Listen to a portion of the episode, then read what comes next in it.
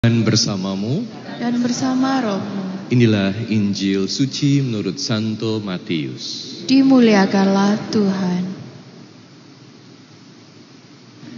Pada suatu hari Yesus mengemukakan perumpamaan berikut kepada murid-muridnya.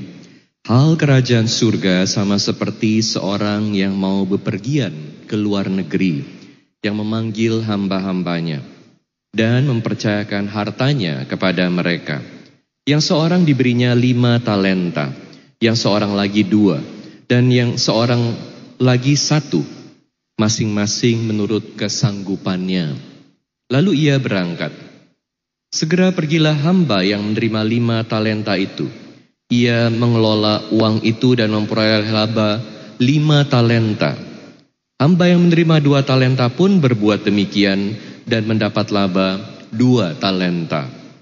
Tetapi hamba yang menerima satu talenta itu pergi dan menggali lubang di dalam tanah, lalu menyembunyikan uang tuannya. Lama sesudah itu pulanglah tuan hamba-hamba itu, lalu mengadakan perhitungan dengan mereka. Hamba yang menerima lima talenta itu datang, dan ia membawa laba lima talenta, katanya. Tuan, lima talenta Tuan percayakan kepadaku. Lihat, aku telah memperoleh laba lima talenta. Lalu kata tuannya itu kepadanya, Baik sekali perbuatanmu itu, hai hambaku yang baik dan setia. Engkau telah setia memikul tanggung jawab dalam hal yang kecil, maka aku akan memberikan kepadamu tanggung jawab dalam hal yang besar. Masuklah dan turutlah dalam kebahagiaan Tuanmu. Sesudah itu datanglah hamba yang menerima dua talenta, katanya, Tuan, dua talenta Tuan percayakan kepadaku. Lihat, aku telah mendapat laba dua talenta. Lalu kata Tuan itu kepadanya, Baik sekali perbuatanmu itu, hai hambaku yang baik dan setia. Engkau telah setia memikul tanggung jawab dalam hal yang kecil, maka aku akan memberikan kepadamu tanggung jawab dalam hal yang besar. Masuklah dan turutlah dalam kebahagiaan Tuanmu. Kini datanglah juga hamba yang menerima satu talenta itu dan berkata, Tuan, aku tahu bahwa Tuan adalah orang yang kejam, yang menuai di tempat Tuan tidak menabur, dan memungut dari tempat Tuan tidak menanam. Karena itu aku takut dan pergi menyembunyikan talenta Tuan itu di dalam tanah. Ini, terimalah milik Tuan.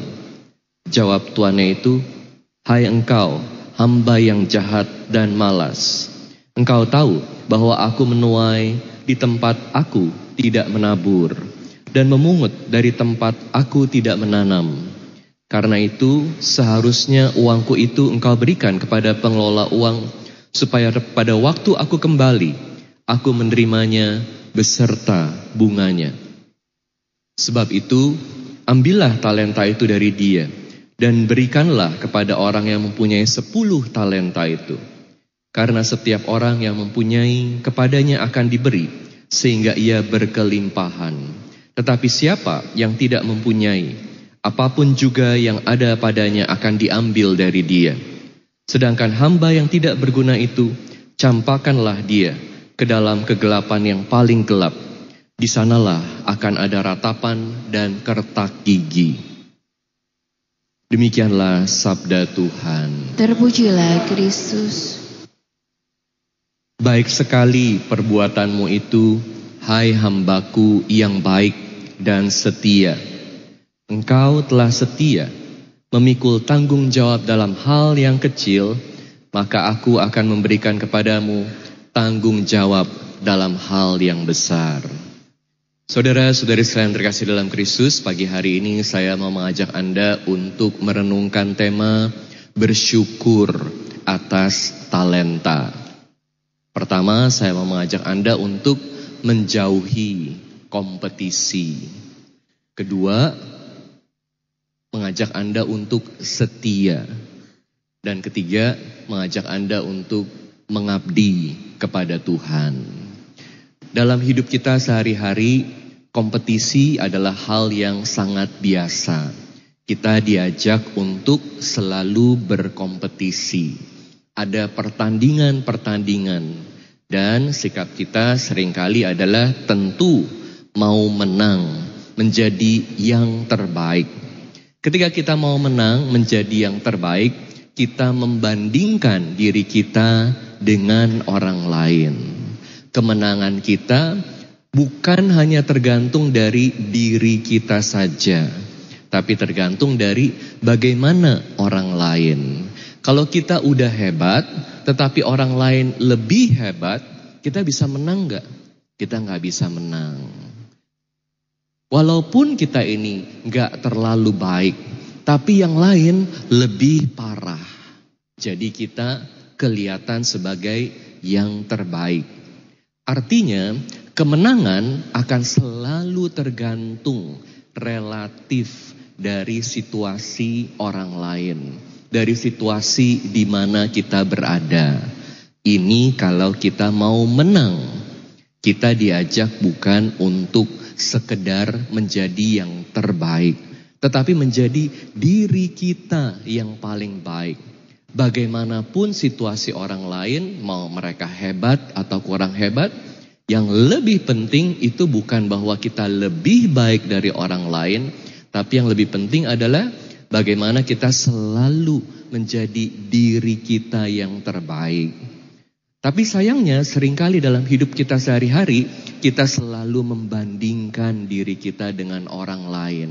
Kalau orang lain punya lebih, kita merasa kecil. Kita merasa minder. Kalau orang lain punya sedikit, orang lain kurang dari kita, kita bandingin diri kita sama dia, kita jadi sombong. Dalam Injil hari ini kita mendengar ada orang-orang yang diberi lima talenta. Ada yang diberi dua talenta. Ada yang diberi satu talenta. Kalau yang dua ini walaupun sudah diberi banyak, hanya melihat pada, oh orang lain itu diberi lebih banyak, lima talenta. Dia bisa-bisa jadi minder. Jadi buat apa yang dua ini? Gak ada artinya kalau dibanding yang lima. Bisa-bisa kalau dia hanya membandingkan diri dengan orang lain, dia juga jadi seperti yang dapat satu talenta, dikubur aja deh. Ada orang-orang yang karena merasa kecil dirinya, Dapatnya cuma kecil porsinya, tanggung jawabnya kecil, kemampuannya kecil dibandingkan orang lain. Jadi dia nggak mau buat apa-apa. Hidupnya dipenuhi dengan ketakutan. Daripada kalau aku buat sesuatu nanti dikritik sama orang lain. Lebih baik aku diam-diam aja. Daripada aku buat sesuatu nanti salah. Lebih baik aku nggak usah buat apa-apa. Daripada nanti orang ngomongin aku. Daripada nanti dan daripada ada banyak daripadanya. Jadi memilih untuk menguburkan talentanya. Padahal dia bukan nggak punya apa-apa. Tuhan udah kasih kepada orang ini satu talenta. Tetapi karena dibandingkan dengan orang lain, dikuasai oleh ketakutan, jadi nggak buat apa-apa. Ingat, ketakutan membekukan kita. Ketakutan memenjarakan kita. Harusnya kita bisa buat sesuatu, harusnya kita bisa buat banyak hal. Kita jadi nggak buat apa-apa. Nah makanya ajakannya adalah seperti dikatakan hamba yang baik dan setia Ajakannya adalah supaya kita menjadi hamba yang baik dan setia. Artinya kesetiaan jauh lebih penting daripada kemenangan. Kalau kita setia, ini artinya kita nggak perlu menjadi yang terbaik dibanding orang-orang lain.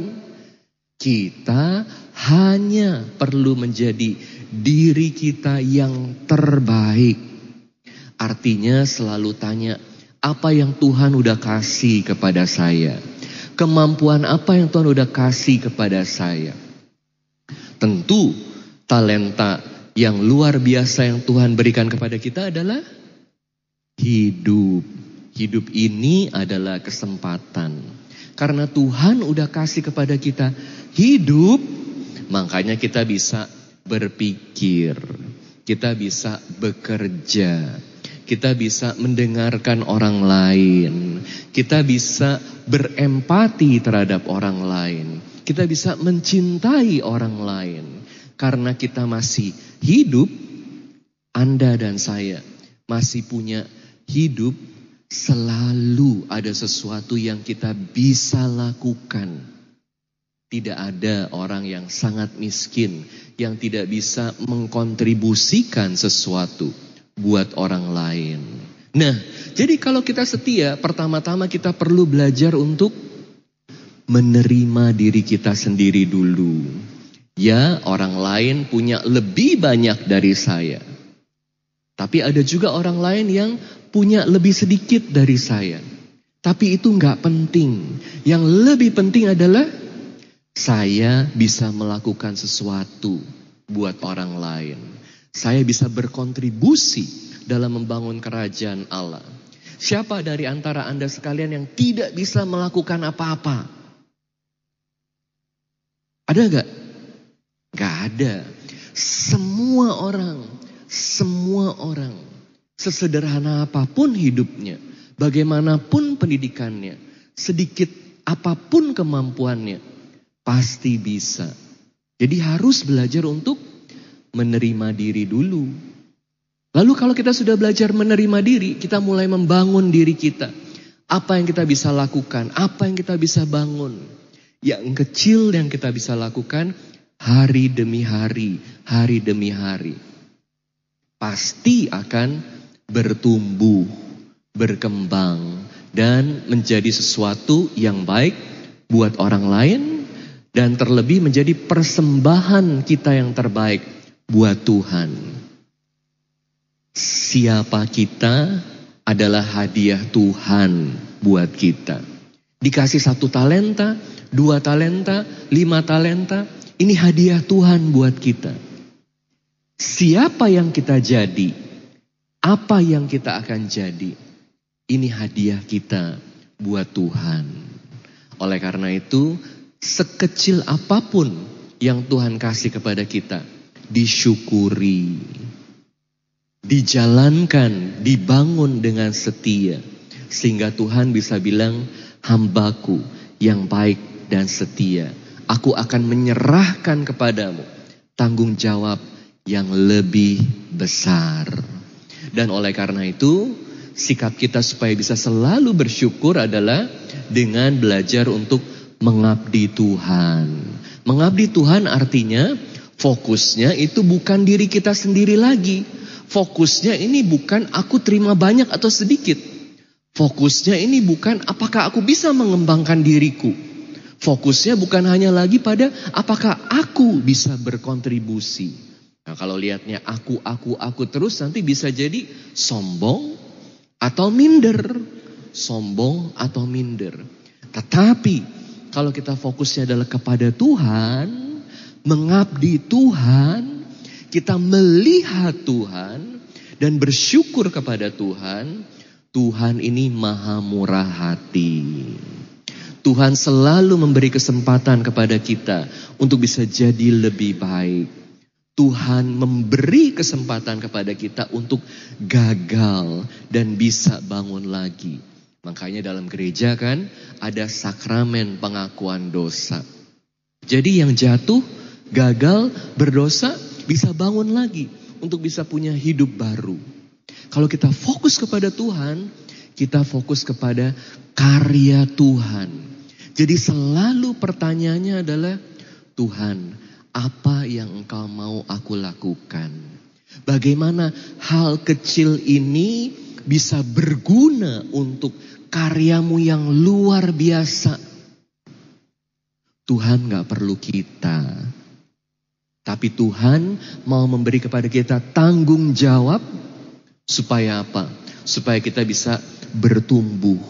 Supaya kita makin hari makin punya martabat. Anda mau gak diberi tanggung jawab? Mau gak diberi tanggung jawab? Harus kerja keras. Bukan hanya membandingkan diri dengan orang lain dan marah-marah sendiri, takut-takut sendiri. Tapi tanya pada Tuhan, Tuhan apa yang engkau mau aku lakukan dengan berbagai hal yang kau sudah berikan kepadaku. Kalau Anda merasa kecil, belajar dari seorang santo yang namanya Brother Andre. Dia lahir di Quebec, di Kanada, tahun 1845. Dia lahir sakit-sakitan. Ah, sakit-sakitan, ah? Lihat. Anda waktu lahir sehat gak? Bayi yang sehat gak? Mungil dan sehat, puji Tuhan. Brother Andre ini waktu lahir udah sakit-sakitan. Dia lahir di keluarga yang ekonominya pas-pasan. Lalu waktu dia umur 9 tahun, ayahnya meninggal. Waktu dia umur 12 tahun, mamanya meninggal. Jadi Anda bayangkan, udah hidupnya sakit-sakitan, keluarga ekonominya pas-pasan, dan orang tuanya meninggal di saat dia masih muda. Hidup macam apa yang Brother Andre ini bisa jalani? Tetapi dia nggak merasa kecil. Hidupnya adalah talenta yang paling besar yang Tuhan berikan kepadanya untuk bisa mengabdi kepada Tuhan, melakukan sesuatu. Jadi dia memberikan dirinya kepada gereja. Dia tanya kepada satu kongregasi, namanya kongregasi salib suci. Boleh gak saya masuk ke biara untuk bisa mengabdi Tuhan? Kongregasinya lihat, siapa ini orang Andre ini? Ditolak. Udah mau memberikan diri, ditolak. Jadi Anda bisa bayangkan macam apa kemampuannya si brother Andre ini. Tapi sekali lagi dia nggak putus asa karena dia mau memberikan dirinya. Puji Tuhan, dia dibantu sama satu uskup sehingga bisa masuk ke kongregasi tersebut. Kongregasi salib suci. Lalu waktu dia udah diterima, pimpinannya ajak dia untuk ke pintu. Tugas kamu tiap hari adalah jaga pintu.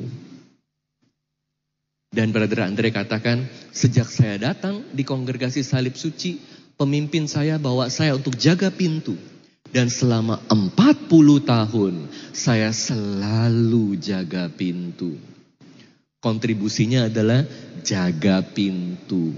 Tapi jangan salah Bapak Ibu, di tengah kongregasi yang hebat, kongregasi ini punya universitas besar dan anggotanya ini adalah pemikir-pemikir luar biasa. Makanya bisa berkarya dalam bidang pendidikan ya. Tentu perlu bisa berpikir, perlu bisa belajar dengan baik. Apa artinya seorang yang jaga pintu? Tapi ironisnya adalah santo pertama dari kongregasi mereka adalah Brother Andre. Tuhan mengangkat yang kecil, yang kelihatannya ini nggak punya apa-apa, yang pernah ditolak untuk menjadi santo pertama di kongregasi mereka. Kenapa? Karena Brother Andre selalu memberikan yang terbaik dari apa yang dia punya. Saya ditugasin jadi penjaga pintu, tetapi saya selalu mendengarkan orang, orang-orang yang datang kesulitan, didengerin, dibantu, didoakan. Sehingga Brother Andre ini, waktu dia jaga pintu, banyak yang sakit, dia doakan dan banyak sekali yang sembuh. Ada 10 ribu orang menurut data yang disembuhkan secara mujizat lewat doa Brother Andre. Waktu dia meninggal, lebih dari satu juta orang yang datang untuk melayat.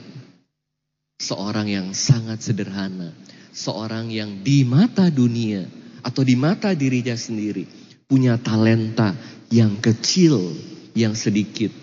Tetapi yang sedikit ini digunakan dengan sebaik mungkin dalam kesetiaan untuk membangun kerajaan Allah dengan kasih yang besar. Allah sendiri yang menambahkan, Allah sendiri yang berkarya, Allah sendiri yang memberi kekuatan. Bagaimana dengan Anda? Anda punya berapa talenta? Lima talenta, dua talenta, satu talenta, seperempat talenta? Enggak masalah. Yang penting adalah Anda dan saya belajar untuk selalu setia menggunakan talenta yang Tuhan sudah berikan untuk karya Tuhan. The Lord be with you. and with your spirit. A reading from the Holy Gospel according to Matthew. Glory to you, O Lord. Jesus told his disciples this parable. A man going on a journey called in his servants and entrusted his possessions to them. To one he gave five talents, to another two, to a third one, to each according to his ability. Then he went away. Immediately, the one who received five talents went and traded with them and made another five. Likewise, the one who received two made another two. But the man who received one went off and dug a hole in the ground and buried his master's money. After a long time, the master of those servants came back and settled accounts with them. The one who had received five talents came forward, bringing the additional five. He said, Master, you gave me five talents. See, I have made five more. His master said to him, Well done, my good and faithful servant. Since you were faithful in small matters, I will give you great responsibilities. Come, share your master's joy. Then the one who had received two talents also came forward and said, Master, you gave me two talents. See, I have made two more. His master said to him, Well done, my good and faithful servant. Since you were faithful in small matters, I will give you great responsibilities. Come, share your master's joy. Then the one who had received the one talent came forward and said, Master, I knew you were a demanding person, harvesting where you did not plant and gathering where you did not scatter. So out of fear, I went off and buried your talent in the ground. Here it is back. His master said to him in reply, You wicked, lazy servant. So you knew that I harvest where I did not plant and gather where I did not scatter. Should you not then have put my money in the bank so that I could have got it back with interest on my return? Now then, take the talent from him and give it to the one with ten. For to everyone who has, more will be given, and he will grow rich. But from the one who has not, even what he has will be taken away. And throw this useless servant into the darkness outside, where there will be wailing and grinding of teeth.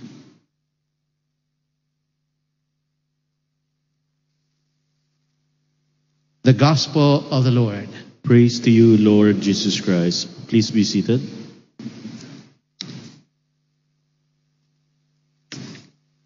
My dear brothers and sisters in Christ, the teaching of today's liturgy is very clear. The servants are you and I.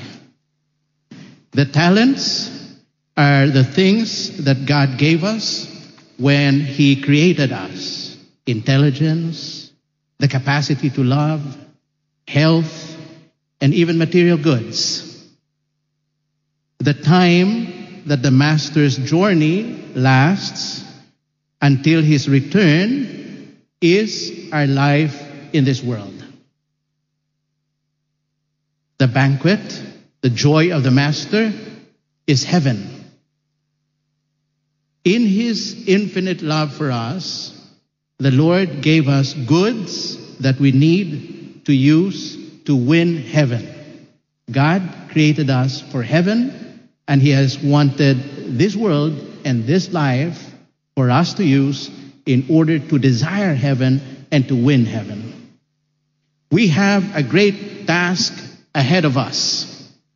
We cannot be passive because the Lord commanded, trade till I come. While we await the return of the Lord to take full possession of his kingdom, we cannot be idle. The spread of the kingdom of God is not only the official task of the members of the church who represent Christ, that is, the bishops and the priests. No. The spreading of the kingdom of God is the task of each one of us, each one of you. You too are the body of Christ. St. Paul tells the rest of the faithful, belonging to the church, as you and I belong to the church, brings with it the demand to trade. That is, to struggle for oneself and others until the end. But while some work cheerfully and generously in the task given to them, others are inhibited by doubt and fear. Why is the third servant, why is the negligent servant punished if he did not waste money? Think about it. Didn't he return the exact amount he received? He didn't lose anything. And yet he was punished. Yes, he did not lose it, but neither did he make it profitable. He was condemned for a sin of omission. The lazy servant is the image of a Christian who turns away when he is urged to be more pious. Um, who turns away to when he is urged to commit himself to the work of evangelization according to his circumstances or to burden the or to lighten the burden of poverty and suffering of those around him. This is the lazy Christian. He runs away from his responsibilities, from the problems and challenges surrounding him. And he soothes his conscience by saying, I am not bad. I do not cheat anyone. I do not harm anybody. Yes, that may be true. But what about lies, criticisms, backbiting, envy, resentment? Okay, you might say, no, I don't have those. But sometimes we do not realize that we also fall into omissions. That is, things that we should have done or said, but did not. Those are omissions. And this is precisely what the Lord condemns in this parable that we have just read in this Mass. Perhaps nothing bad is done, but neither is there a sustained commitment in favor of the family, life, education, culture, social justice. These are sectors that need so much support. So let's go down to the personal level.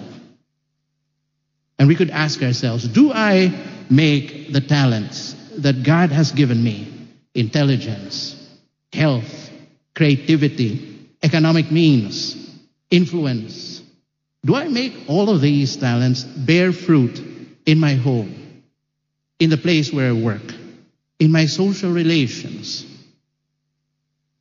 in my parish?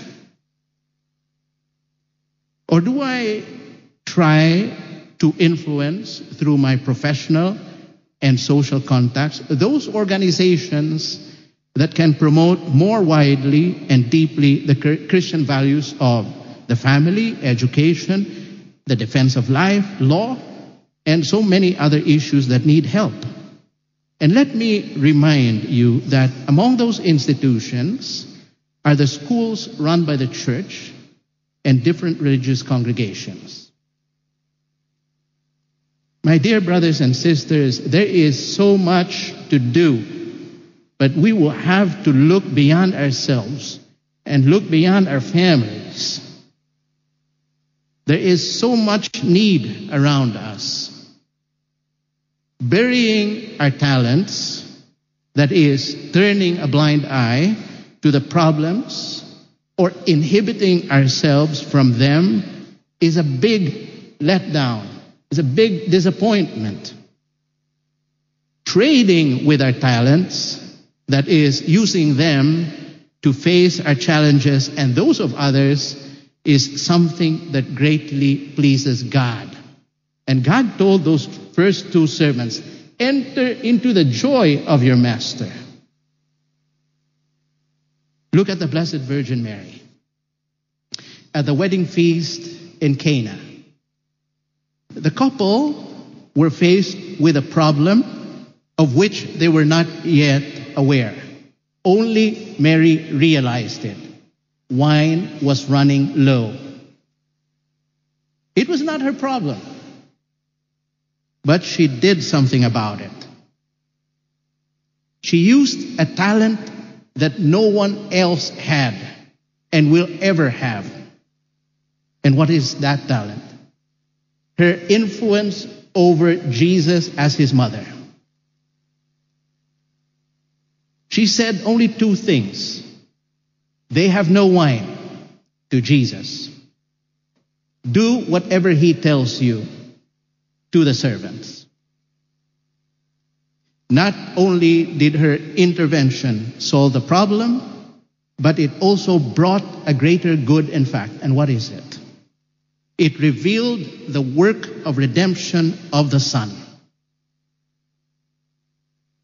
A modern saint wrote, Many great things depend, don't forget it, on whether you and I live our lives as God wants. And what does God tell us?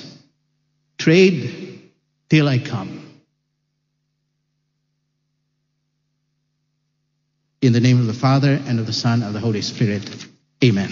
Bersamamu dan bersama rohmu. Inilah Injil suci menurut Santo Matius. Dimuliakanlah Tuhan. Pada suatu hari Yesus mengemukakan perumpamaan berikut kepada murid-muridnya. Hal kerajaan surga sama seperti seorang yang mau berpergi berpergian ke luar negeri yang memanggil hamba-hambanya dan mempercayakan hartanya kepada mereka yang seorang diberinya lima talenta, yang seorang lagi dua, dan seorang yang lain lagi satu. Masing-masing menurut kesanggupannya. Lalu ia berangkat. Segera pergilah hamba yang menerima lima talenta itu. Ia mengelola uang itu dan memperoleh laba lima talenta. Hamba yang menerima dua talenta pun berbuat demikian dan mendapat laba dua talenta. Tetapi hamba yang menerima satu talenta itu pergi dan menggali lubang di dalam tanah lalu menyembunyikan uang tuannya. Lama sesudah itu pulanglah tuan hamba-hamba itu lalu mengadakan perhitungan dengan mereka. Hamba yang menerima lima talenta itu datang dan ia membawa laba lima talenta. Katanya, Tuan, lima talenta Tuhan percayakan kepadaku, lihat aku telah memperoleh laba lima talenta. Lalu kata tuannya itu kepadanya, baik sekali perbuatanmu itu. Hai hambaku yang baik dan setia, engkau telah setia memikul tanggung jawab dalam hal yang kecil. maka aku akan memberikan padamu tanggung jawab dalam hal yang besar. Masuklah dan turutlah dalam kebahagiaan Tuhanmu. Sesudah itu datanglah hamba yang menerima dua talenta, katanya, Tuhan, dua talenta Tuhan percayakan kepadaku. Lihat, aku telah mendapat laba dua talenta. Lalu kata Tuhan itu kepadanya, baik sekali perbuatanmu itu. Hai hambaku yang baik dan setia. Engkau telah setia memikul tanggung jawab dalam hal yang kecil, maka aku akan memberikan kepadamu tanggung jawab dalam hal yang besar. Masuklah dan turutlah dalam kebahagiaan Tuhanmu. Kini datanglah juga hamba yang menerima satu talenta itu dan berkata, Tuhan aku tahu bahwa Tuhan adalah orang yang kejam, yang menuai di tempat Tuhan tidak menabur, dan memungut, memungut dari tempat Tuhan tidak menanam. Karena itu aku takut dan pergi menyembunyikan talenta Tuhan itu di dalam tanah. Ini terimalah milik Tuhan. Jawab Tuhannya itu, Hai engkau hamba yang jahat dan malas. Engkau tahu bahwa aku menuai di tempat aku tidak menabur dan memungut dari tempat aku tidak menanam. Karena itu harus seharusnya uangku itu engkau berikan kepada pengelola uang supaya pada waktu aku kembali aku menerima beserta bunganya. Sebab itu ambillah talenta itu dari dia dan berikanlah kepada orang yang mempunyai sepuluh talenta itu karena setiap orang yang mempunyai kepadanya akan diberi sehingga ia berkelimpahan. Tetapi siapa yang tidak mempunyai apa pun juga yang ada padanya akan diambil dari dia. Sedangkan hamba yang tidak berguna itu tampakkanlah dia ke dalam kegelapan yang paling gelap. Di sanalah akan ada ratapan dan kertak gigi. Demikianlah sabda Tuhan. Kristus. Saudara-saudari terkasih, selamat malam semuanya. Pada malam ini saya ingat sebuah cerita tentang dua petani yang berbicara satu dengan yang lain sama yang lain. Pak Budi kata yang pertama berkata, apa yang akan kamu tanam tahun ini? Jagungkah? Oh tidak, jawab Pak Budi. Takut akan panggerek jagung. Ya baiklah, bagaimana dengan kentang? Oh saya gak nanam kentang juga. Terlalu banyak bahaya, sarangga kentang. Mengumumkan Pak Budi. Tetangga itu bertanya, nah apa yang akan Anda tanam? Katanya Pak Budi, tidak ada. Saya akan bermain aman. Ya, memang aman karena gak bisa gagal nanam apa-apa kalau kita gak menanam apa-apa. Tetapi kalau gak menanam apa-apa, kita juga bisa tidak bisa menghasilkan apa-apa. Jadi uh, ini yang ditunjukkan oleh perumpamaan pada malam ini bahwa kita semua adalah mendapatkan atau diberikan hadiah yang berbeda untuk kegunaannya. Mungkin yang satu ada lima talenta, yang satu ada dua, yang satu lagi satu. Tetapi bukan karena uh, perhitungannya di dalam uh, talenta itu kalau besar ya dia yang berani, kalau kecil ya kecil hati juga. Gak usah karena sebenarnya Tuhan itu melihat modal kita. Dia menghitung hasilnya. Contoh, kalau ada orang pebisnis yang satu menghasilkan 1000 US dollar, yang satu 100 US dollar, kalau kita hitung-hitungan sih kita bisa secara langsung saja menghitung bahwa yang menghasilkan 1000 US dollar yang lebih hebat dari yang cuman 100 US dollar. Tetapi ada bisa bisa jadi bidaklah uh, hitungan kita kalau kita melihat modalnya.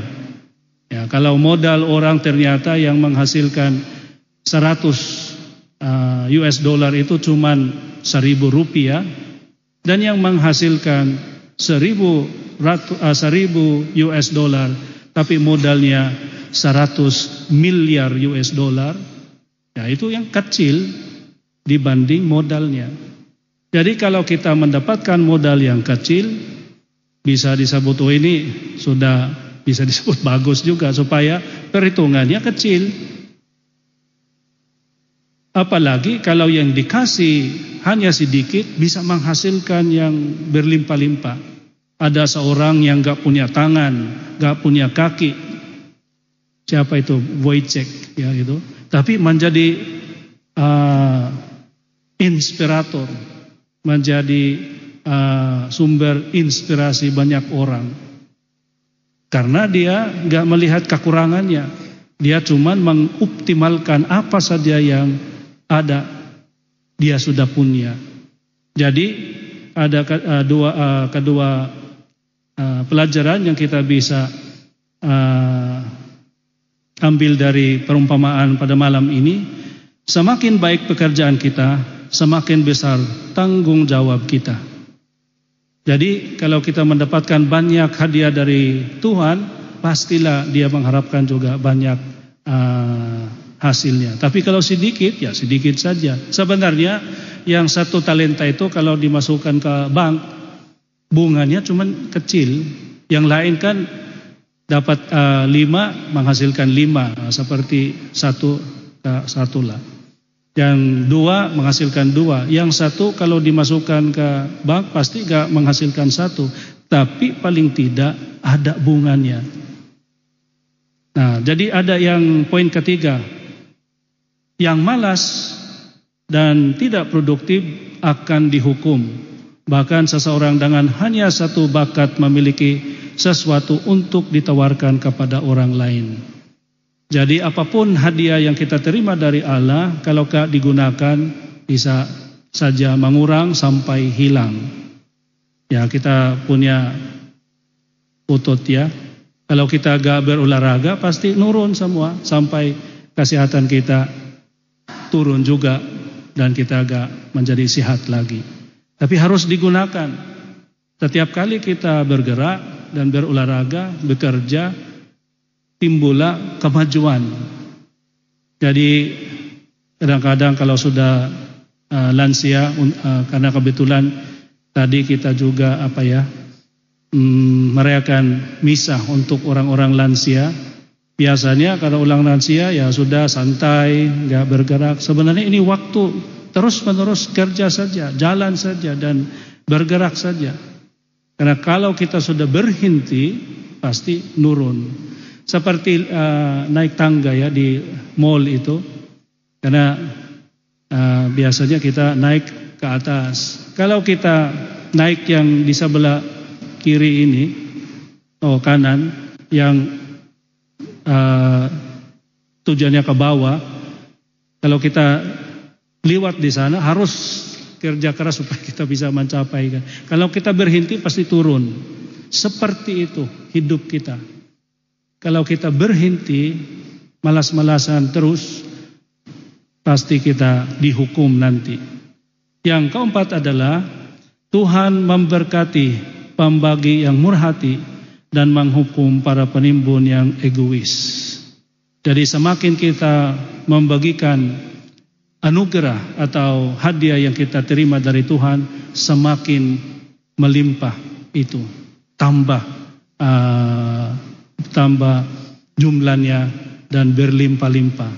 Karena sebenarnya talenta yang kita terima dari Tuhan benar-benar kita sudah menerima itu kalau kita sudah membagikan itu kepada orang lain.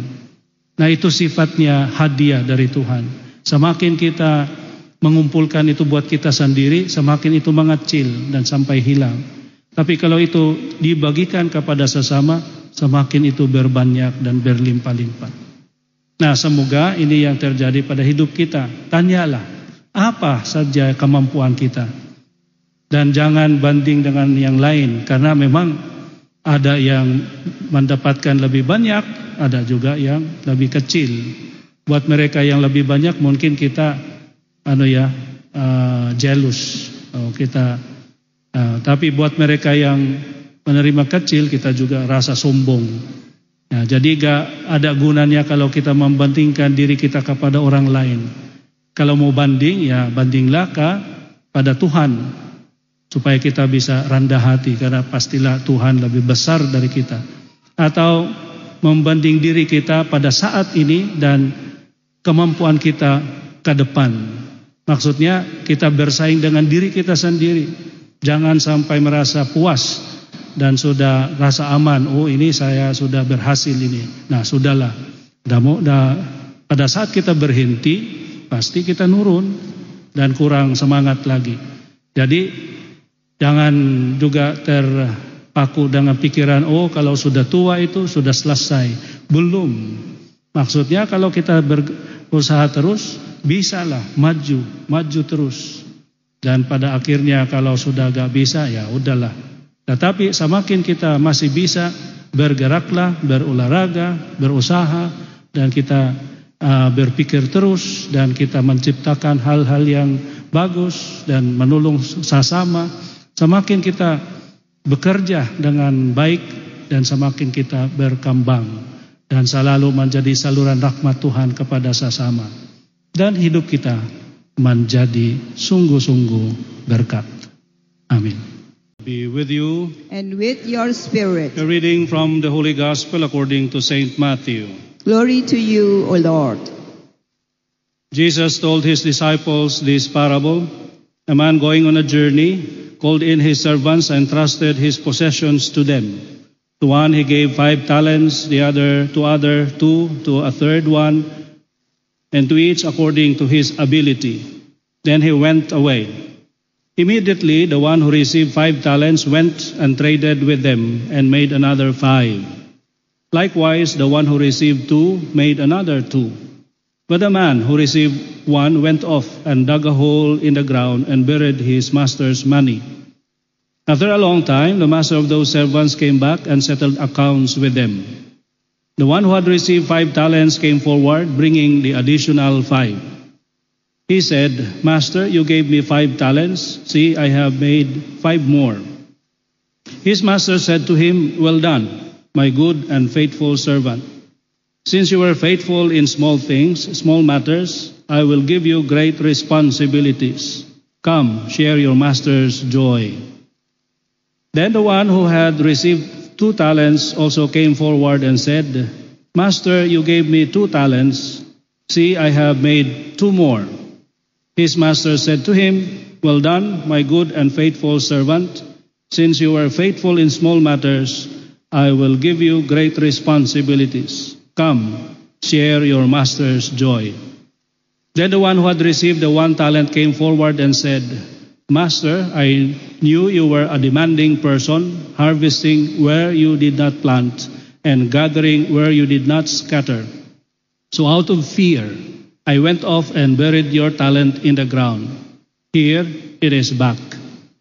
His master said to him in reply, You wicked, lazy servant. So you knew that I harvest where I did not plant and gathered where I did not scatter. Should you not then have put my money in the bank so that I could have got it back with interest in my return? Now then, take the talent from him and give it to the one with ten. For to everyone who has, more will be given, and he will grow rich. But the one who has not, even what he has will be taken away. And throw this useless servant into the darkness outside, where there will be wailing and grinding of teeth. The Gospel of the Lord. Praise to you, Lord Jesus Christ. Please be seated. My brothers and sisters, good afternoon. the Gospel today reminds me of a story of two farmers, one asking the other, What are you going to plant this year? Would you, would you plant corn? The other farmer said, No, no, I will not plant corn because there, might, uh, there are a lot of worms, uh, insects that uh, destroy corn. Oh, so would you like to plant potato? Oh, no, not potato also, because still there are insects and pests that destroys it. Then what are you going to plant this year? Oh, I will plant nothing. I would like to play it safe. Ah. When you look at the reasoning, yeah, it sounds logical. If you would like, if you don't like to be in danger, or uh, then don't take risks. Play it safe. But you see, the principle in life is whatever we have, if we don't use it, we lose it. Ah. we have our muscles, but if we don't use them, we lose them. That's what happened to prisoners of war. As soldiers, they are very stocky, very healthy, very robust, muscled. But when they are in prison and they do nothing inside that prison cell, after years of imprisonment, they grow very thin, only like bones and skin. Why? Because they have no opportunity to even exercise. Yeah, that's what happens. Whatever we have, if we don't use them, we lose them. So, the gospel today reminds us that to use our talents, otherwise they will be taken away from us. Now, the problem is we have the tendency to compare what we have with that of others. That, that is not also a reason. In fact, uh, lacking talents or having only a few talents in life could be an advantage. And I have this personal experience. How did I do that? when we had our, when I was first year high school, high school in the Philippines at that time, were only four years, first year to fourth year high school. Then we go to college. Here, six years, yeah? SMP, SMA. Tiga-tiga tahun. Jadi enam tahun. In the Philippines, only four years. So I was first year high school. We had our foundation day, intramurals. One of the events was to play chess. Oh, so I joined that game. I represented the first year students. So the process was first year against second year, third year against fourth year. The winners will compete and will buy for first place and second place. So to cut the story short, the one who won against the contest between first year and second year was the first year. But between third year and fourth year, the winner was the fourth year. So now winner against winner, first year against fourth year. So when I faced the opponent, uh, instead of being afraid, uh, terrified, intimidated, because I was only first year and the other one was fourth year, I made that disadvantage an advantage.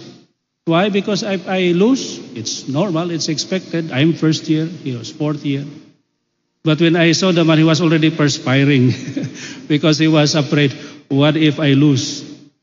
What if I lose? Of course, at that time, we had a chess game in front of our store. I used to play chess. So I just relaxed.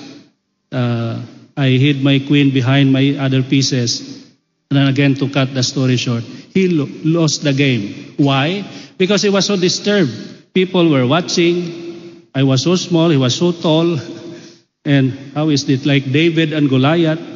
So making use of the, it's not a reason really. If you don't have, if you have less, then you cannot have more. Uh, in fact, that can be one of the paintings that sold uh, high price. When you look at it, it's ordinary. But what makes it ordinary was the painter. Why? Because the painter actually has no hands. He painted it with his feet. Ah. So that's making use of the, your lack of talents into an advantage. You cannot make it an excuse. Well, Wojciech, the, this uh, inspirator, uh, this uh, uh, motivator, can show us the way. He has no hands, no feet, but he motivates people, showing them that having less does not mean that you cannot have more, more chance to serve. There was also a the high, uh, there was also a painting with a higher price, even higher than the one who painted using his feet. Why? Because the painter again has no hands, no feet, so he painted with his mouth. so the invitation for us is not to size up our talents, but rather to discover them and make ourselves, challenge ourselves to make good use of them. Small, big, capital. There is a two businessmen. The first one, his profit is 1,000 US dollar. The other one is 100 US dollar. Who is a better businessman? And normally we say, oh, the one who has earned uh, 1,000 US dollar every month compared to one, the other one only 100. Oh, belum tentu. Uh, not sure. Because look at the, the, the, the, the capital. Oh, ternyata the capital of the one who earned 100 US dollar only 1 rupiah. But the other one who earned like 1,000 US dollar has 1 billion US dollar. That's very small. Because he has capital. That's why sometimes we even have to be afraid or yeah, disturbed if we have so much because so much also is expected of us. But if we have little, then we can engage more, be more courageous. This is the message of today's gospel reading. Don't underestimate ourselves. Rather, challenge ourselves. And this is the last point that I would like to drive home. Instead of being intimidated, challenge ourselves. So when I, when I was learning the Bahasa Indonesia language, I had difficulty. Of course, it's a new language. How much more uh, Bahasa Jawa? Gusti Manonggalo. yes, I, uh, then how did I, yeah, eventually really challenge myself to learn the Bahasa Indonesia, Indonesia by learning Mandarin. yeah, because you see, uh, Mandarin could really be very challenging. That makes now Bahasa Indonesia easy. Hmm, dalam nama Bapa dan Putra dan Roh Kudus. Ya, sudah bisa lah dibaca. But Mandarin in fu ji zi ji seng shen ju ming. Amen. It's more challenging. The more we challenge ourselves, the more we develop muscles. And those difficult ones will become easy. And we become more productive. So we hope that learning from today's gospel, let us never in, uh, belittle ourselves. Let us never underestimate ourselves. The Lord is not expecting us to do the impossible. He just expects us to make good use of our talents. The one who had five earned five. The one who had two earned two. Did he expect the one who had one will earn one? No. Because he said, deposit it in the bank, at least I have interest. Now the interest could not be one. Could be 0.0001, but at least there is an interest. The thing is, let us make good use of our talents. And that's the way to prepare for the coming of the Lord. Amen. Tuhan.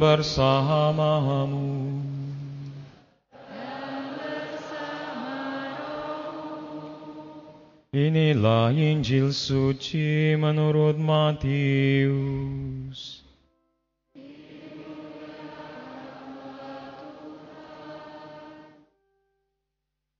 Pada suatu hari Yesus mengemukakan perumpamaan berikut kepada murid-muridnya. Hal kerajaan surga sama seperti seorang yang mau bepergian ke luar negeri, yang memanggil hamba-hambanya dan mempercayakan hartanya kepada mereka. Yang seorang diberinya lima talenta, yang seorang lagi dua, dan seorang yang lain lagi satu, masing-masing menurut kesanggupannya. Lalu ia berangkat. Segera pergilah hamba yang menerima lima talenta itu. Ia mengelola uang itu dan memperoleh laba lima talenta. Hamba yang menerima dua talenta pun berbuat demikian, dan mendapat laba dua talenta. Tetapi hamba yang menerima satu talenta itu pergi dan menggali lubang di dalam tanah, lalu menyembunyikan uang tuannya. Lama sesudah itu pulanglah tuan hamba-hamba itu lalu mengadakan perhitungan dengan mereka. Hamba yang menerima lima talenta itu datang dan ia membawa laba lima talenta. Katanya, Tuan, lima talenta Tuan percayakan kepadaku. Lihat, aku telah memperoleh laba lima talenta. Lalu kata tuannya kepadanya, Baik sekali perbuatanmu itu, Hai hambaku yang baik dan setia. Engkau telah setia memikul tanggung jawab dalam hal yang kecil. Maka aku akan memberikan kepadamu tanggung jawab dalam hal yang besar. Masuklah dan turutlah dalam kebahagiaan Tuanmu. Sesudah itu datanglah hamba yang menerima dua talenta. Katanya, Tuan, dua talenta Tuhan percayakan kepadaku. Lihat, Aku telah mendapat laba dua talenta. Lalu kata Tuhan itu kepadanya, Baik sekali perbuatanmu itu, hai hambaku yang baik dan setia. Engkau telah setia memikul tanggung jawab dalam hal yang kecil, maka aku akan memberikan kepadamu tanggung jawab dalam hal yang besar. Masuklah dan turutlah dalam kebahagiaan Tuhanmu. Kini datanglah juga hamba yang menerima satu talenta itu dan berkata, Tuhan, aku tahu bahwa Tuhan adalah orang yang kejam, yang menuai di tempat Tuhan tidak menabur, dan memungut dari tempat Tuhan tidak menanam. Karena itu aku takut dan pergi menyembunyikan talenta Tuhan itu di dalam tanah. Ini, terimalah milik Tuhan. Jawab tuannya itu, Hai engkau hamba yang jahat dan malas, engkau tahu bahwa aku menuai di tempat aku tidak menabur, dan memungut dari tempat aku tidak menanam. Karena itu seharusnya uangku itu engkau berikan kepada pengelola uang, supaya pada waktu aku kembali, aku menerimanya beserta bunganya. Sebab itu, ambillah talenta itu dari dia, dan berikanlah kepada orang yang mempunyai sepuluh talenta itu. Karena setiap orang yang mempunyai, kepadanya akan diberi sehingga ia berkelimpahan. Tetapi siapa yang tidak mempunyai, apa pun juga yang ada padanya, akan diambil dari dia. Sedangkan hamba yang tidak berguna itu, camkanlah karena ke dalam kegelapan yang paling gelap. Di sanalah akan ada ratapan dan kertak gigi. Demikianlah sabda Tuhan.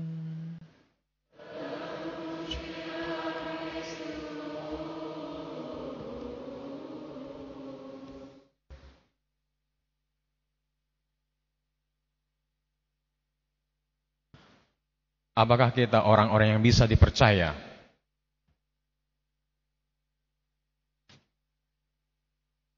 Ini suatu pertanyaan yang penting dan menantang. Karena kepercayaan atau dalam bahasa Inggris trust adalah pondasi dari suatu hubungan, dari suatu relasi. Juga, juga dalam pekerjaan. Kepercayaan itu penting karena ini akan menjadi jaminan akan apa yang kita terima, tanggung jawab besar, rahasia-rahasia yang paling dalam dari hidup seseorang. Dan sering kali apabila ada krisis kepercayaan, ada juga krisis dalam suatu relasi. Mengapa? Karena seorang yang sudah tidak bisa diberi kepercayaan, memegang teguh akan kepercayaan, orang tersebut sudah melukai relasi tersebut. Dan tidak ada lagi kemungkinan untuk diberikan suatu tanggung jawab atau rahasia yang besar. Jadi kepercayaan adalah pondasi salah satu pondasi penting dari suatu relasi atau juga pekerjaan.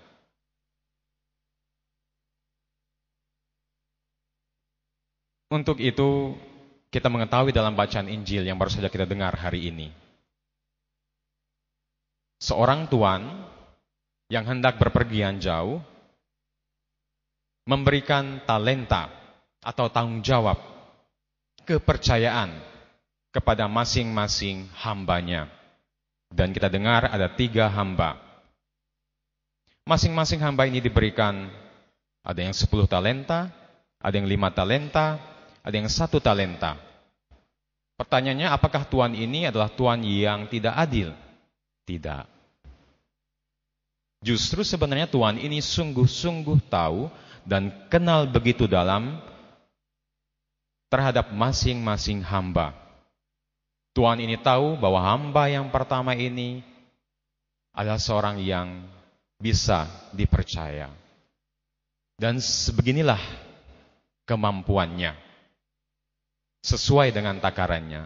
Begitu juga hamba yang kedua dan hamba yang ketiga tanggung jawab, talenta diberikan sesuai dengan kemampuan dari masing-masing hamba.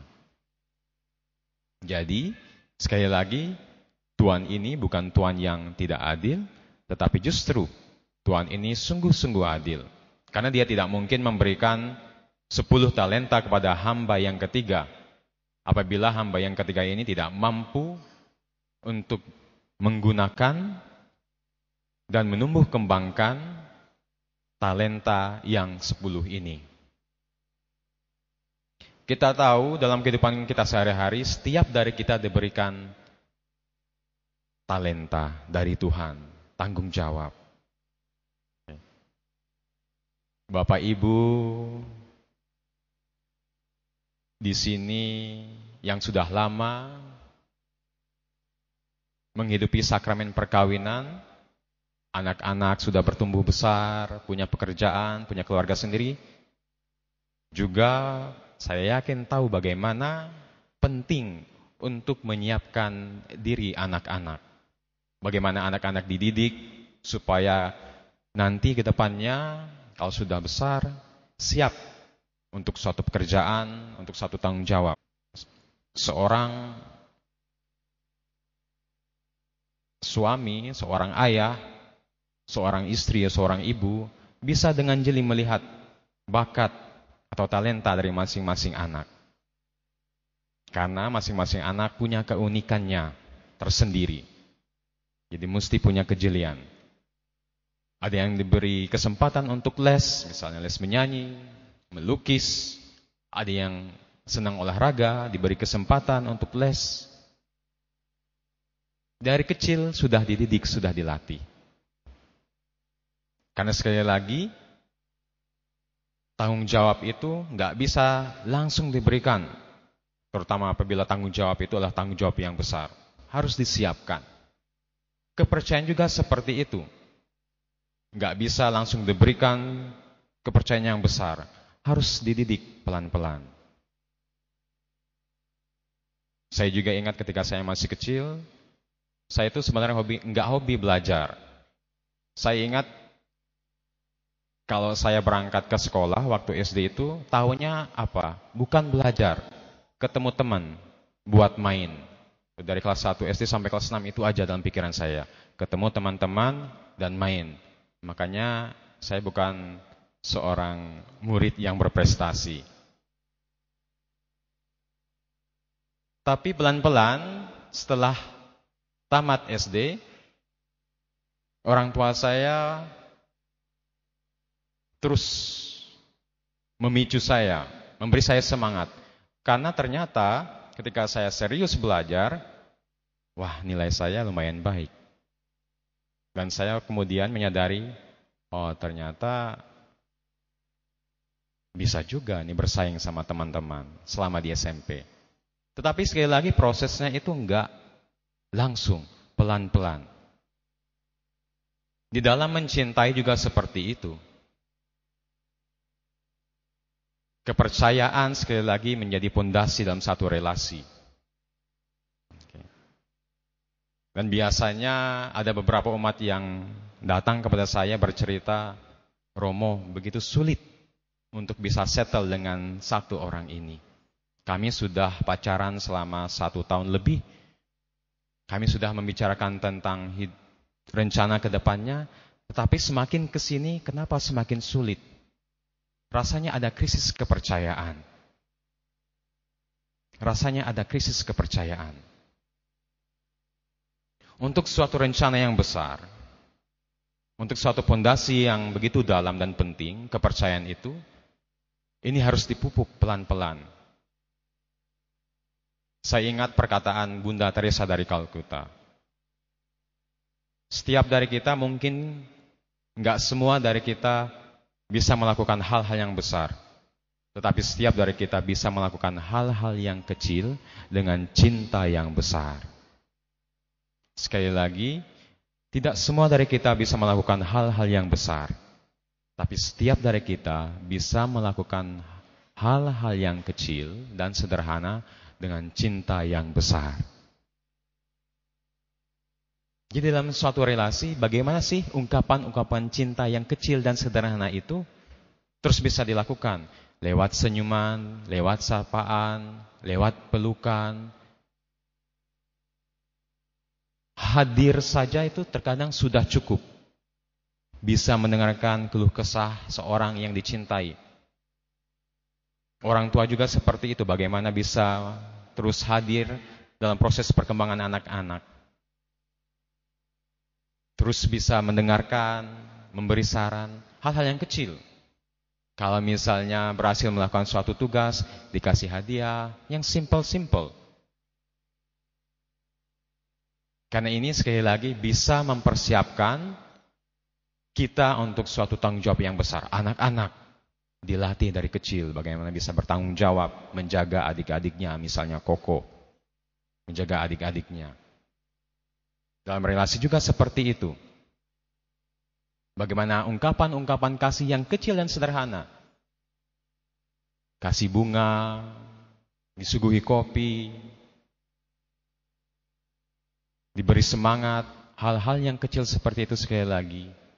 Apabila dilakukan dengan cinta, bisa membuat kita semakin menjadi lebih baik. Terlebih-lebih dalam relasi kita dengan Tuhan, dalam kehidupan keimanan kita. Seringkali kita tidak percaya bahwa Tuhan itu sungguh-sungguh hadir dalam setiap permasalahan kita, dalam setiap pergumulan kita. Tapi yakin dan percayalah saudara-saudaraku yang terkasih. Dalam Injil hari ini yang baru saja kita dengar, Tuhan Yesus mau menegaskan kepada kita bahwa Allah tahu setiap kebutuhan kita. Setiap dari kita sudah diberikan talentanya masing-masing. Jangan pernah membanding-bandingkan apa yang kita miliki dengan apa yang orang lain capai. Karena setiap dari kita akan punya waktunya masing-masing. Teman-teman kita mungkin boleh berhasil saat ini dan kita saat ini sedang berusaha semaksimal mungkin untuk bisa sukses dalam hidup. Mungkin orang-orang yang kita kenal relasinya dalam keluarganya sangat-sangat damai tanpa masalah. Dan saat ini kita sedang ada masalah dalam keluarga. Mengapa istri saya seperti ini? Mengapa suami saya seperti ini? Mengapa anak-anak seperti ini? Tapi jangan pernah takut. Setiap dari kita sudah diberikan rahmat dari Tuhan. Dan akan menjadi mekar tepat pada waktunya. Jadi jangan pernah membanding-bandingkan apa yang kita miliki yang berasal dari Tuhan dengan apa yang orang lain miliki. Intinya, setiap talenta, setiap berkat yang Tuhan berikan kepada kita adalah kepercayaan penuh yang sudah Tuhan berikan. Kita harus terus bisa bersyukur. Bersyukur untuk apa?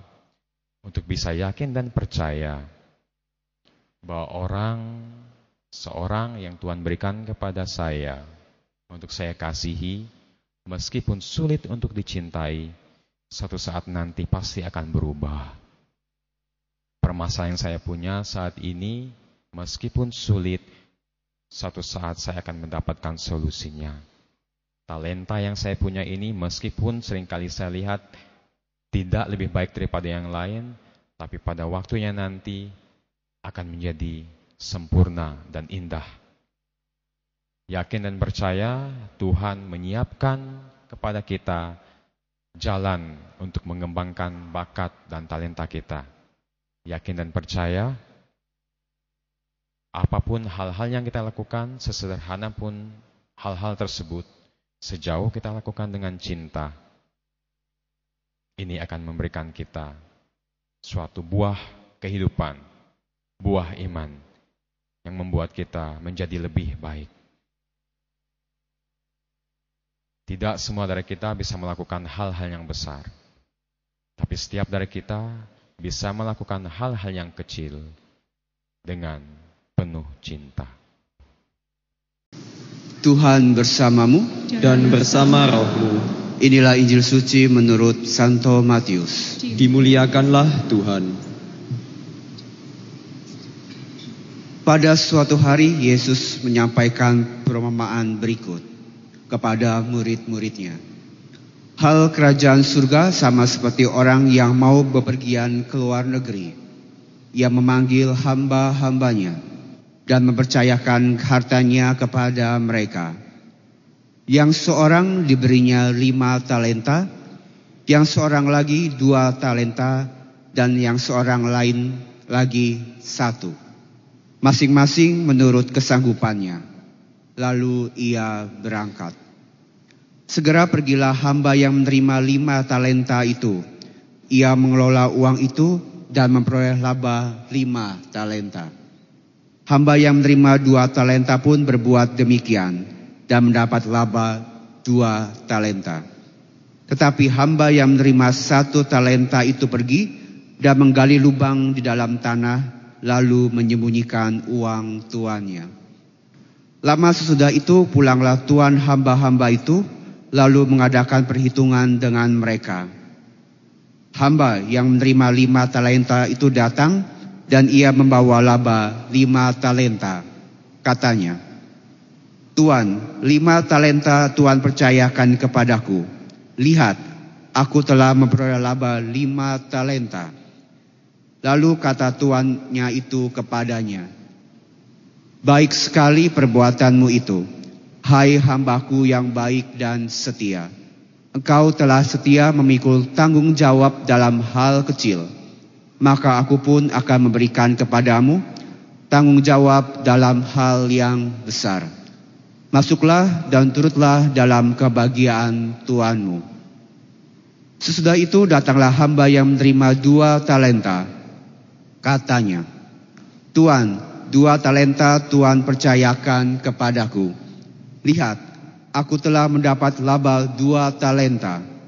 Lalu kata Tuhan itu kepadanya, Baik sekali perbuatanmu itu, hai hambaku yang baik dan setia. Engkau telah setia memikul tanggung jawab dalam hal yang kecil, maka aku akan memberikan kepadamu tanggung jawab dalam hal yang besar. Masuklah dan turutlah dalam kebahagiaan Tuhanmu. Kini datanglah juga hamba yang menerima satu talenta itu dan berkata, Tuhan, Aku tahu bahwa Tuhan adalah seorang yang kejam, yang menuai tempat Tuhan tidak menabur, dan memungut dari tempat Tuhan tidak menanam.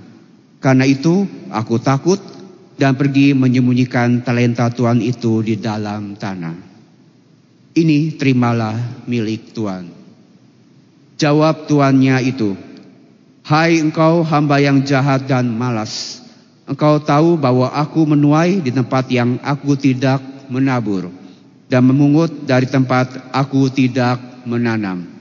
Karena itu seharusnya uangku itu engkau berikan kepada pengelola uang supaya pada waktu aku kembali aku menerimanya beserta bunganya. Sebab itu ambillah talenta itu dari dia dan berikanlah kepada orang yang mempunyai sepuluh talenta itu karena setiap orang yang mempunyai kepadanya akan diberi sehingga ia berkelimpahan. Tetapi siapa yang tidak mempunyai, apa pun juga yang ada padanya akan diambil dari dia. Sedangkan hamba yang tidak berguna itu, campakkanlah dia ke dalam kegelapan yang paling gelap. Di sanalah akan ada ratapan dan kertak gigi.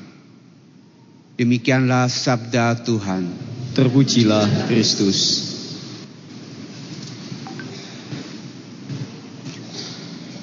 Hati orang tua mana yang tidak akan bahagia jika melihat anaknya yang dibesarkan tumbuh menjadi orang anak yang baik dan sukses dan berhasil di dalam hidupnya.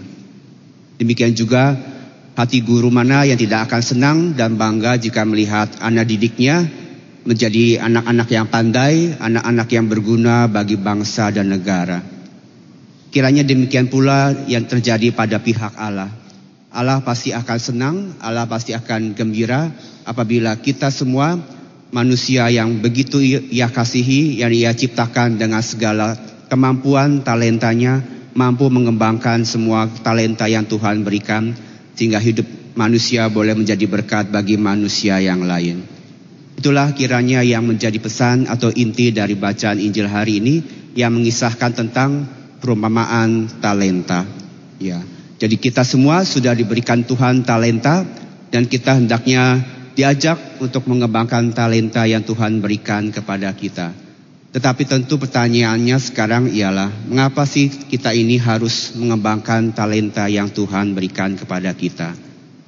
Bapak Ibu dan saudara-saudari yang terkasih, sekali lagi talenta ini merupakan rahmat Tuhan, merupakan hidup yang Tuhan berikan kepada kita. Tuhan telah memberikan hidup kepada kita masing-masing beda-beda. Ada yang panjang umur, ada yang sampai 90 tahun, 100 tahun, ada yang 70, ada yang 50, atau ada yang masih muda. Ada yang diberi kepandaian banyak, ya banyak bisa main segala alat musik, pandai bernyanyi, ya pintar bermain olahraga. Ada juga yang Tuhan karuniai dengan banyak hal, kebaikan dan segalanya. Tapi yang terpenting adalah bukan sepanjang bukan banyaknya usia yang kita punya, bukan banyaknya talenta yang kita punya, kemampuan, harta yang kita punya, tapi bagaimana kita ini bisa menggunakan hidup kita, harta kita, kepandaian kita ini untuk menjadi berkat. Dan bagaimana supaya hidup kita menjadi berkat? Dalam bacaan kedua, Rasul Paulus mengingatkan kita bahwa kita ini adalah anak-anak terang dan jangan menjadi anak-anak gelap yang artinya bahwa kita harus hidup dalam kebenaran.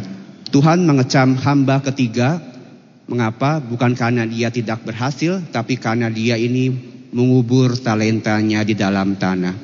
Kalau dikubur artinya hidup dalam kegelapan. Padahal kita diciptakan Tuhan untuk hidup dalam dalam terang. Kita ini anak-anak siang, yang artinya kita hidup memancarkan cahaya. Tetapi si hamba yang menerima satu talenta ini mengubur, mengubur hidupnya yang artinya dia ini hidup dalam kegelapan. Ini yang Tuhan tidak inginkan, inilah yang Tuhan benci dari hidup kita. Jadi apa undangannya Bapak Ibu dan saudara-saudari yang terkasih? Si hamba yang menerima satu ini menjadi takut lalu mengubur talenta itu karena ia takut kepada Allah. Semoga kita yang sudah ikut misa harian ikut misa hari Minggu dan rajin ke gereja, tidak tidak lagi hidup dalam ketakutan. Kita mau mengembangkan apa yang kita punya. Tuhan tidak menuntut kita untuk berhasil banyak, tapi yang penting adalah kita ini mau berbuah menghasilkan sesuatu dalam hidup kita. Banyak hal yang bisa kita lakukan dalam hidup. Yang penting jangan sampai kegelapan, ketakutan membuat kita hidup dalam gelap. Kita bukan anak-anak gelap, yang artinya hidup dalam kegelapan itu tidak enak. Tuhan mengendaki kita untuk bangkit keluar dari kegelapan menjadi anak-anak terang dan menghasilkan buah yang berlimpah. Jadi semoga kita semua selalu mau terus percaya kepada sabda Tuhan, mengembangkan hidup kita dan semakin percaya kepada Tuhan. Tuhan telah mempercayakan talenta kepada kita yang artinya bahwa kerajaan surga itu adalah sebuah relasi saling percaya satu sama lain. Tuhan ingin menginginkan kita hidup bahagia baik di dunia maupun di surga kelak karena ia sangat mengasihi kita. Kuncinya adalah kita ini mau berbuat sesuatu yang baik di dalam dunia ini. Kalau kita ingat perumpamaan tentang lima gadis bodoh dan lima gadis bijaksana yang melambangkan yang menceritakan tentang pelita dan minyak. Pelita melambangkan iman dan minyak melambangkan perbuatan baik. Maka sama halnya juga dengan perumpamaan tentang talenta. Talenta adalah hidup kita, iman yang telah Tuhan percayakan, dan kita dituntut untuk mengembangkannya supaya kita bisa hidup menjadi orang-orang yang terberkati. Jangan biarkan kita hidup dalam kegelapan, jangan kubur semua impian kita, harapan kita, karena kita punya Tuhan yang pasti sanggup menolong. Karena apabila kita mau hidup dalam kebenaran, apabila kita mengangkat tangan, Tuhan pasti turun tangan. Semoga demikian Tuhan memberkati. 愿主与你们同在，也与你的心灵同在。奉读上马杜福音。 主眼光荣归于你。那时候，耶稣给门徒们讲了这个比喻，说：天国又像一个要远行的人，将自己的仆人叫来，把财产托付给他们，他按照他们的才能，一个给了五个金元宝，一个给了两个。一个给了一个，然后就动身了。那养了五个金元宝的那个去做生意，另外赚了五个。同样，那领了两个的也另外赚了两个，但是那领了五个的。却去掘开地，把主人的剑藏起来。过了很久，主人回来了，便和他们算账。那领了五个金元宝的上前来，掌上另外的五个说：“主啊，你将交给了我。”五个金元宝，请看，我有另了另外赚了五个。主人对他说：“做的的好，你这有好有可靠的主人，你记在不多的事项可靠，不要把所做的事拜你管理。”进来享受的主主人的福乐啊，那领了两个进眼包的也上前来说：“主啊，主啊，你交给了我两个进眼包，请看我有另外赚了两个。”主人对他说：“做得好，你只有好。”又可靠的辅人，你只在不多的事项可靠，不要把所托的事拜你管理。进来上说你主人的福乐吧。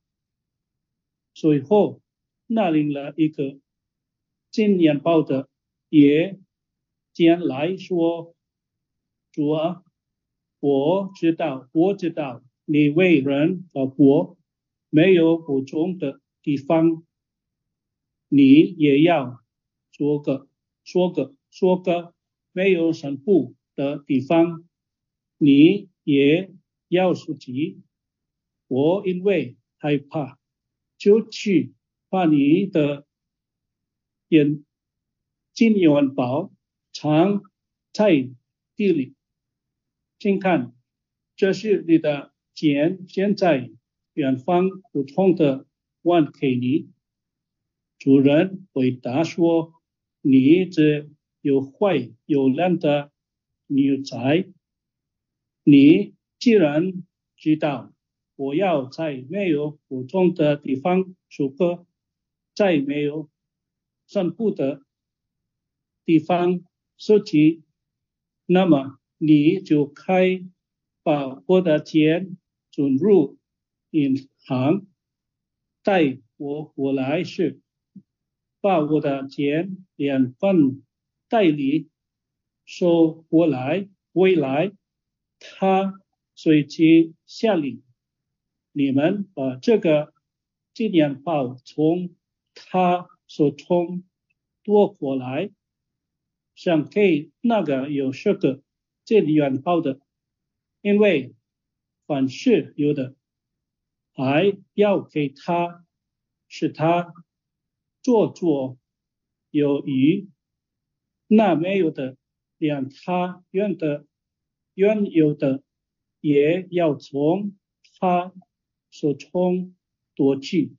你们把这没用的妇人丢在外面的海岸中，在那里比鱼比油还好喝。戒指，以上是建筑的上训。基督，我们赞美你。有一个关于两个农民会向小看的过来故事。杰克，第一个说：“你今年打算种什么？有米？”第二个回答说：“不害怕，有米名。”他的研究再问：“那么豆豆呢？”不，马铃薯种植的危险太大了。第二个宣布。后来研究问：“那你要种什么？”第二个经意回答：“没有。”没种什么，我会进行行事。在今天的福音中，耶稣讲述了一个像第二个这样懒惰的妇人的故事。他买正了自己的才能，而不是用它来做生意。以下是耶稣通过比喻教导的。四个教训。首先，上主根据每个人的有其用途，不富有不同的恩赐，以借都是福分礼物，只在为爱主服务的服务而回报，只要救我们。充分利用我们所拥有的独特资源，利用我们的才能造福社会。第二，工作做得越好，责任就越大。上主给那些最能充分利用上主赐给的才能的人更多的。责任。第三，懒惰和不搞笑的人将遭到惩惩罚。即使一个人只有一种才能，也可以为他人提供一些东西。如果他不能做一些自己的善事，他就会。失去他所拥有的。如果他尝试但失败了，他会得到同情和宽恕。第四，上主祝福刚开的反向者，惩罚自私的统计者，那些刚开的反向。在这处获得的礼物的人，可能会发现自己不断的不可不量的丰富起来。相比之下，那些处于恐惧而基督和这次的保存，他们所得到的东西的人，将会失去他。总的来说，这个比喻概述了对上主的资源进行丰富、充满稳定的管理的结果。换句话说，这个比喻见证我们为基督冒险，为了想救我们，上主冒着一切。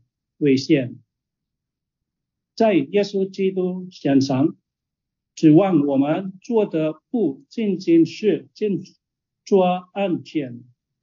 耶稣鼓励的他的追随者不要害怕，而要相信他的帮助，并抓住机会，利用他们的才能来荣耀上主与拯救其他人。我们也照着耶苦为照是长发。第三个古人决定避免冒险，对今天保险的过于谨慎。上主给希望我们利用我们的一切才能来实现个人长长。失去服务和宗教典章。愿我们对上主的信任足以引用我们被赋予的恩赐和能力。我们中的一些人非常有天赋，拥有宝贵的能力，但没有人。绝对没有人可以使他一无所有。受到今天的福音的启发，愿我们不仅学会这种这种小心或谨慎行事，而且学会掌控掌控一切。阿门。